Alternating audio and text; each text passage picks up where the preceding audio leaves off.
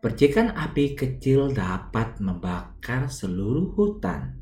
Kamis 20 Oktober bacaan Injil diambil dari Lukas 12 ayat 19 sampai dengan 53. Aku datang untuk melemparkan api ke bumi dan betapakah aku harapkan api itu telah menyala?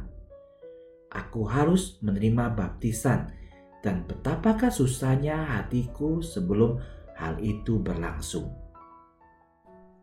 Sahabat, api cinta Tuhan sebesar api besar lainnya menyambar saat bersentuhan. Satu pohon menyala pohon berikutnya dan itu membakar yang berikutnya.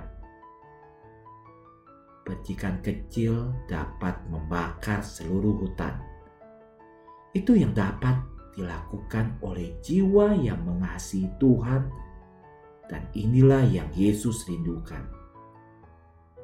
Tetapi mereka yang ingin membakar dunia dengan kasih Tuhan mungkin harus melalui banyak pertempuran. Semua orang kudus harus berjuang melawan perlawanan dari mereka yang membenci api itu karena mereka membenci terang membenci terang Injil pula. Orang suci kuat, mereka siap pertempuran spiritual. Seperti yang dikatakan Peter Kreb. Tuhan telah menciptakan orang-orang kudus dari para pendosa, tetapi tidak pernah dari para pengecut. Santo Yohanes Paulus II yang hari rayanya kita rayakan hari ini adalah contoh yang baik. Karol lahir di Wadowice, Polandia pada 18 Mei 1920. Kakak perempuannya Olga telah meninggal sebelum dia dilahirkan. Ibunya meninggal ketika ia berusia 9 tahun. Kakak satu-satunya Edmund juga meninggal ketika dia berusia 12 tahun dan akhirnya ayahnya meninggal selama Perang Dunia Kedua ketika dia berusia 20 tahun. Dia tidak memiliki keluarga yang tersisa.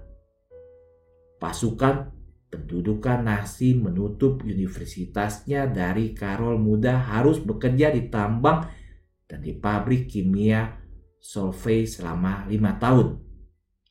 Selama waktu itu, menyadari panggilannya untuk menjadi imam, ia mulai belajar kursus di seminari Kladestis Krau. Banyak teman-teman yang terbunuh ketika dia menjadi imam, komunis memata-matai dia. Pada usia 60, seorang pembunuh menembaknya dan dia hampir mati. Sebagai orang tua, dia menderita tumor usus, patah tulang paha, dan penyakit Parkinson yang melemahkan yang membuat tidak bisa bergerak, merusak penampilan fisiknya, dan akhirnya menghilangkan kemampuannya untuk berbicara. Cerita ini tidak menggambarkan seperti kisah seorang pria yang kuat. Namun, dia mengubah dunia dengan api cinta Tuhan yang ada di hatinya. Yohanes Paulus mengiklami banyak negara di Eropa Timur untuk berpaling dari komunisme. Semangatnya untuk Injil membawanya dalam perjalanan apostolik ke seluruh dunia. Baik penyakit, nasi komunis maupun peluru tidak dapat menghentikan nyala api itu karena itu adalah api ilahi. Orang suci tidak dibuat dari pengecut.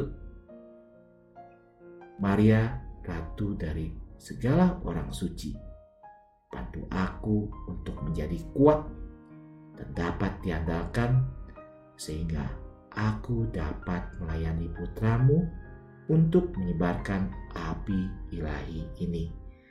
Bunda Maria harapan kita dan tata kebijaksanaan, doakanlah kami.